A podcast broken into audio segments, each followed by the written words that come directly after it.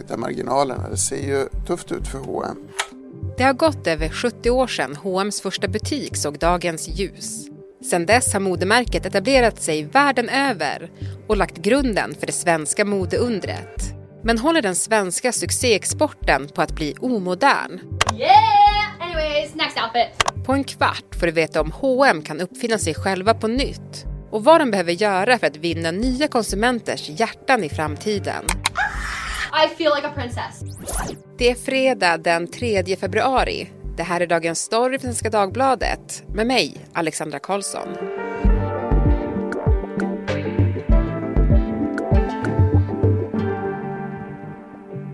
Sara Brännström, reporter på SvD Näringsliv och Björn Jeffrey, techanalytiker här på SvD. Hallå på er! Hallå, hallå! Hallå? Har ni, har ni på er något från H&M just nu? Eh, just idag är det nog bara strumporna.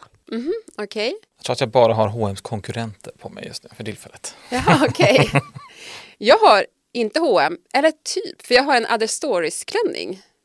Så det är typ H&M då? Det är H&M det, absolut. Ja.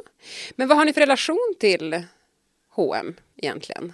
Men det är väl kanske det där varumärket, eller butiken snarare, som man gick till när man var barn med sin mamma och handlade och sen handlade man där när man var tonåring. En kedja som finns i varje liten stad i hela Sverige.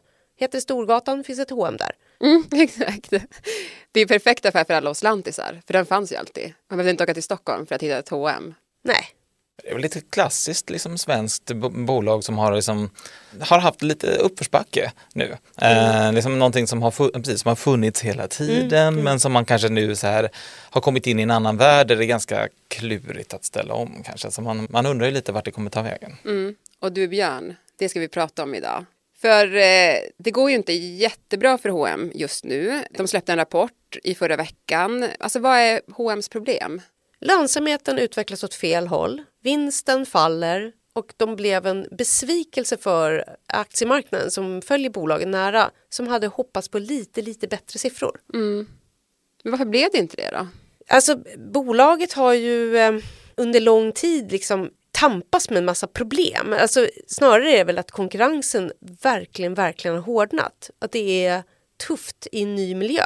Unga människor är mer vana att näthandla och att det finns otroligt mycket att välja på på nätet. Man sitter med en ganska stor kostym. Man har liksom över 4600 butiker. Och liksom den gamla stilen var ju liksom precis, man går med sin mamma, man handlar på H&M. Eh, du går in, du köper grejer, du går ut i en plastpåse som säger det är lugnt. Men nu är det liksom en annan grej. Det börjar liksom på nätet, det slutar ofta på nätet. Man kollar på många av konkurrenterna också. Att det, du börjar med att du e-handlar sen slutar det med att du lägger ut dig själv på sociala medier och visar upp vad det är du har handlat. Så att säga. Den typen av konsumentbeteende så blir ju liksom den här kostymen som H&M har kan ju bli lite, ja, lite klumpig kanske och inte liksom den stora fördelen som man kanske tidigare hade, det vill säga att det finns alltid en H&M nära och nu kanske man känner, jag kanske inte behöver någon H&M nära överhuvudtaget. Burrow's furniture is built for the way you live. From ensuring easy assembly and disassembly to honoring highly requested new colors for their award-winning seating, they always have their customers in mind. Their modular seating is made out of durable materials to last and grow with you. And with Burrow, you always get fast, free shipping. Get up to 60% off during Burrow's Memorial Day sale at burrow.com slash ACAST. That's burrow.com slash ACAST. burrow.com slash ACAST.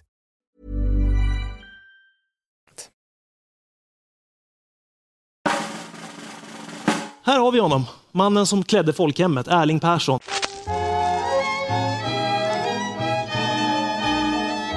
Det var 1947 som Erling Persson öppnade sin första klädbutik på Storgatan i Västerås efter att tidigare sålt allt från ost till kulspetspennor och julstjärnor. 20 år senare köpte han herrklädesbutiken Maurits Vidfors och hennes blev hennes och Maurits. Erling Persson hade egentligen inga speciella kunskaper om mode eller kläder i sig. Han var mer en skicklig entreprenör och han visste vad kunden ville ha. Han såg också till att köpa stora mängder, sälja billigt.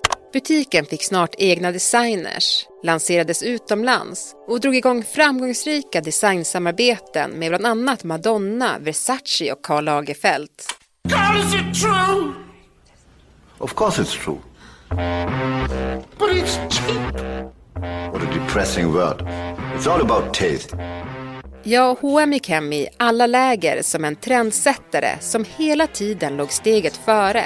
Men för några år sedan kom en ny spelare in i matchen. En som skulle förändra fast fashion i grunden. Y'all, the Shein package that I was waiting for arrived, so let's try this stuff on. Det kinesiska bolaget Sheins koncept är ultrasnabbt mode där man tar hjälp av AI för att snabbt kopiera populära looks som säljs för hisnande låga priser. Duh! This is so cute! Trots hård kritik för dåliga arbetsvillkor, miljöpåverkan och bristande kvalitet låter sig köparna inte avskräckas. Istället har Shein exploderat bland generation Z och har med hjälp av appen TikTok mixat digital shopping med underhållning som boostar försäljningen. Jag tänkte stanna pytteliten stund i det nostalgiska kring H&M. För det finns ju en anledning varför vi faktiskt pratar om H&M. Det är ju ett jättestort svenskt företag, det har betytt jättemycket och betyder jättemycket. Alltså hur skulle ni beskriva det här företagets betydelse? Ja, men det har ju varit lite svenskt underbarn jämte Volvo och Ikea, saker som folk är stolta över. Det har beundrats för sin snabba tillväxt. Det var också så med H&M växte ju fram med fast fashion och det snabbt mode. De var väldigt trendiga, de fick väldigt mycket hype ute i världen och det fanns ju en period när väldigt många av kvartalspresentationerna för analytiker och journalister inleddes med en liten filmsnutt från en invigning och folk stod och skrek och någon klippte ett band och så rusade alla in och det var så här toppmodeller och DJs och allting var så här supercoolt. Mm. Eh, det där är ju lite borta för det är inte butiker som bygger tillväxt idag utan det är online. Och där har ju alla konkurrenter då som bara är baserat på onlineförsäljning en stor fördel för de har inte den här kostnadskostymen som, som Björn pratar om. Mm. Du sa det pratat med en forskare som till och med menar att H&M's hela affärsmodell är förlegad. Ja, och det är ju också för att den inte är hållbar. Alltså hela industrin håller på att ställa om till hållbarhet. Vi håller på att försöka göra grönt stål och vi ska göra liksom, eh, hela bilflottan elektrifierad. Det är massor med saker som pågår och här är hela modeindustrin kvar i att tillverka tyg från, man kallar det för jungfruliga textilier eller fibrer, alltså att man odlar ny bomull och man tar fram ny polyester fast vi redan har tillräckligt så det räcker för hela jordklotet flera Mm. gånger om. Men det andra är ju att producera kläder som man hoppas att folk ska köpa. Fast när inte de säljs till fullpris så måste man rea ut dem och trycka ut dem på marknaden och människor har redan garderoberna fulla. Och där kommer ju de här konkurrenterna in då som eh, Shein till Mm. exempel som jobbar på ett annat sätt. För att de undersöker efterfrågan innan de har producerat allt. Mm. Ja, men om, om H&M då är fast fashion så är ju Shein som du pratar om, alltså man har kallat det fast fashion på steroider. Alltså det är så fast att det är, ja, det är lite sjukt hur snabbt det är. Mm. Och du Björn skriver en analys här där du jämför eh, förutsättningarna för ett bolag som Shein och H&M. Mm. Vad vill du säga? Jag jämför den lite med så här, H&M är kanske lite mer likt Volvo. Så här, det, är, eh, det är traditionsenligt, de vet hur man gör, de har erfarenheten, de har varumärkeskännedomen. Medan Shein kanske är lite mer som Tesla. Man börjar liksom på nytt. När man sätter upp Tesla och ska bygga en ny bilfabrik, då har man ju ingenting. Men då har man heller inget arv. Så alla sådana gamla grejer som man måste, just det, vi måste förhålla oss till resten av eh, liksom våra fabriker som vi redan har byggt. Man har ingenting. Så då kan man bygga en fabrik precis till det som passar perfekt till att bygga en elbil och ingenting annat. Och det där har ju många fördelar också. Så nu sitter man ju liksom med de här nya konkurrenterna och behöver liksom inte oroa sig så mycket för så här, men vad, vad, hur gjorde man förut? Vi struntar i det. Vi börjar helt från början. Det är väldigt lätt för ett etablissemang att underskatta nya tekniska, alltså så här, de som kommer från tekniksidan och tänka, ja men vi har varit med så länge. Det, Mm. där, det där kommer gå över. Det finns ganska mycket som tyder på att det generellt sett inte gör det. Man brukar säga i teknik, det som ser ut som leksaker, det som ser ut som lite larviga grejer, så här, det börjar nästan alltid så. Och sen så blir det gradvis mer och mer allvar. Så man kan tycka att det är lite töntigt att folk sitter på TikTok och visar vad man handlar. Det kan det vara också, men å andra sidan kan det också vara början av så här, nej, det kanske är ett annat typ av konsumentbeteende som kommer sätta sig. Då, då sitter Shein i en väldigt bra position och H&M sitter inte alls i en lika bra läge. Hauls kallas det ju för. Eh, många unga tjejer som gillar att visa upp sina fynd. Eller det är ju som en, det är som en epidemi. Där har man ju liksom det här beteendet som också genererar väldigt stark marknadsföring. Eftersom andra som konsumerar och tittar på de här filmerna tänker ja men den där tröjan kanske jag också vill köpa och så är det där igång och det är ju också till en väldigt låg kostnad. Alltså att stoppa in pengar på att få Justin Bieber att vara med på en kollektion och så lyckas inte det. Det är ju en väldig kostnad. Så det här beteendet att, att man liksom visar upp vad man har på de här hålsen. Det är ju en supereffekt för Shein som de bara får gratis. Men jag tänkte på det, ni var inne på det här med, med H&M vill ju vara ett hållbart bolag. Och Shein är väl inte riktigt ett hållbart bolag kan man väl säga. Nej, nej. Alltså vill inte H&M ens konkurrera med det? De- är väl illa tvungna liksom. Alltså, Shein riktar sig ju bara till en konsument som kanske inte bryr sig så mycket om hur plaggen är producerade eller vem som har sytt dem eller vad de har för levnadslöner eller någonting. Utan man vill bara ha det här snabba modet och man vill betala så lite pengar som möjligt. Och det betyder att väldigt mycket andra grupper är exkluderade. H&M vänder sig ju till barnfamiljer, de har babykläder, de har herrkläder, de har tonårsmode, de har kavajer du ska kunna ha på jobbet. Alltså det är ju ett varuhus för alla. Och eftersom konkurrensen har blivit så otroligt stor inom mode just, då blir de ju också det här varumärket som ska konkurrera med allt. Men vilken grupp ska älska just H&M? Mm. Men du Björn menar ju att det kommer bli svårt för H&M att klara sig i det här nya landskapet. Det finns en kulturell kontext med ett svenskt bolag från början. Du har liksom makrotrenden av hållbarhet är jättestark. Du sitter ju i en kategori som går ut på köp mycket grejer, ofta billigt. Det är ju hela affärsidén. Så det är klart att den är ju rätt svår när man kan säga visst vi kan återvinna x procent av bomullen och så vidare. Så här, det är en bra start men det bästa vore ju så här, köp färre grejer konsumera mindre. Men det är en svår affärsmodell för ett bolag som säger kom in i min butik och köp inte så mycket.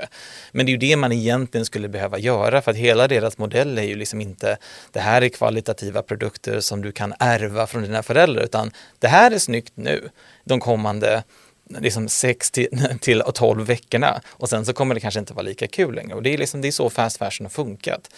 Så att den här svenska kontexten av så här, man känner ju att man vill göra någonting som är hållbart. Jag är inte säker på att de som jobbar på Shein känner likadant, att kontexten är samma. Precis som Sara är inne på, jag tror att de struntar i det. Det är ju otroligt ohållbart, men om kunderna inte är lika oroade för det, då blir det, det blir inte samma konkurrensfördel. Det är kunden som måste bestämma om det där är viktigt eller inte. Ja, de har inte heller utfärdat något löfte till konsumenten Nej. om hållbarhet. Jag tror säkert att H&M är medveten om alla de här sakerna. De gör också tester, de har liksom på prov, gör om din jacka eller designa, köp det här. Alltså, men att vända hela koncernen och försöka stärka sitt varumärke på alla platser globalt, menar, det är ju jättetufft för ett sånt stort bolag. Men vad tror ni H&M kommer bli i framtiden då? Jag skulle tro att de kommer behöva göra en större omställning än vad man kanske har aviserat. Eh, Jag är inte säker på att, att man kan ha samma hållbara ambitioner. Det är ju någonting som är härligt att prata om, men som sagt, grunden är liksom komplicerad. Det kan också hända att de behöver liksom riva upp och vara lite mer radikala än vad man kanske hade tänkt. Vad skulle det kunna vara? Ja, men det skulle nog kunna vara att liksom kasta ut, alltså göra något jättepartnerskap med något annat teknikbolag som hjälper till att snabba upp deras processer. Om man tänk, tänk på hur den gamla liksom, modeprocessen var så var det ju gå på modemässa och sen så titta på grejer som kommer sex månader senare. Försöker liksom göra en billig version av det och få ut det ganska fort.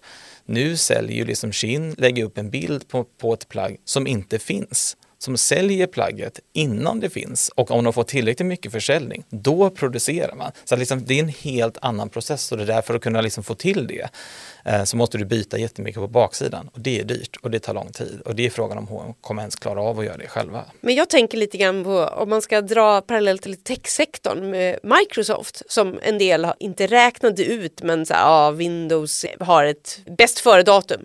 Men nu plötsligt så har de kommit in i en annan situation med samarbete med OpenAI och de har kanske integrerat den här ChatGPT i sin eh, sökmotor och det, det finns en massa saker som kan hända så att med rätt ledare i ett storbolag så skulle man liksom verkligen kunna vara innovativa. Så alltså, jag tycker inte man ska räkna ut vad det här bolaget kommer att bli framåt. Men det är ju det där att de kanske inte riktigt har i alla fall kommunicerat vad deras stora plan är fullt ut. Tack Sara och Björn för att ni var med i Dagens Story. Tack själv. Tack! Burrow's furniture is built for the way you live. From ensuring easy assembly and disassembly to honoring highly requested new colors for their award-winning seating, they always have their customers in mind. Their modular seating is made out of durable materials to last and grow with you. And with Burrow, you always get fast, free shipping. Get up to 60% off during Burrow's Memorial Day sale at burrow.com slash ACAST. That's burrow.com slash ACAST. burrow.com slash ACAST.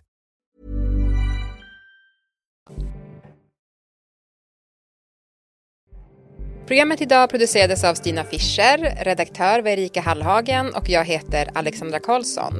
Vill du kontakta oss så mejla till dagensstory.svd.se.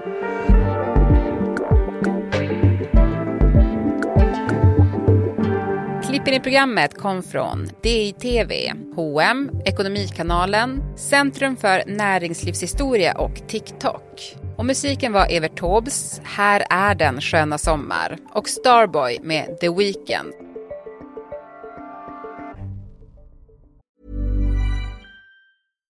When you make decisions for your company, you look for the no-brainers. And if you have a lot of mailing to do, stamps.com is the ultimate no-brainer. It streamlines your processes to make your business more efficient, which makes you less busy.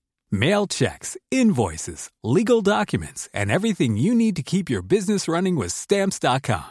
Seamlessly connect with every major marketplace and shopping cart. Schedule package pickups and see your cheapest and fastest shipping options from different carriers with rates up to 89% off USPS and UPS rates. And with the stamps.com mobile app, you can take care of mailing and shipping wherever you are. Make the same no-brainer decision as over 1 million other businesses with stamps.com. Sign up with code program for a 4-week trial plus free postage and a free digital scale. No long-term commitments or contracts. That's stamps.com. Code program.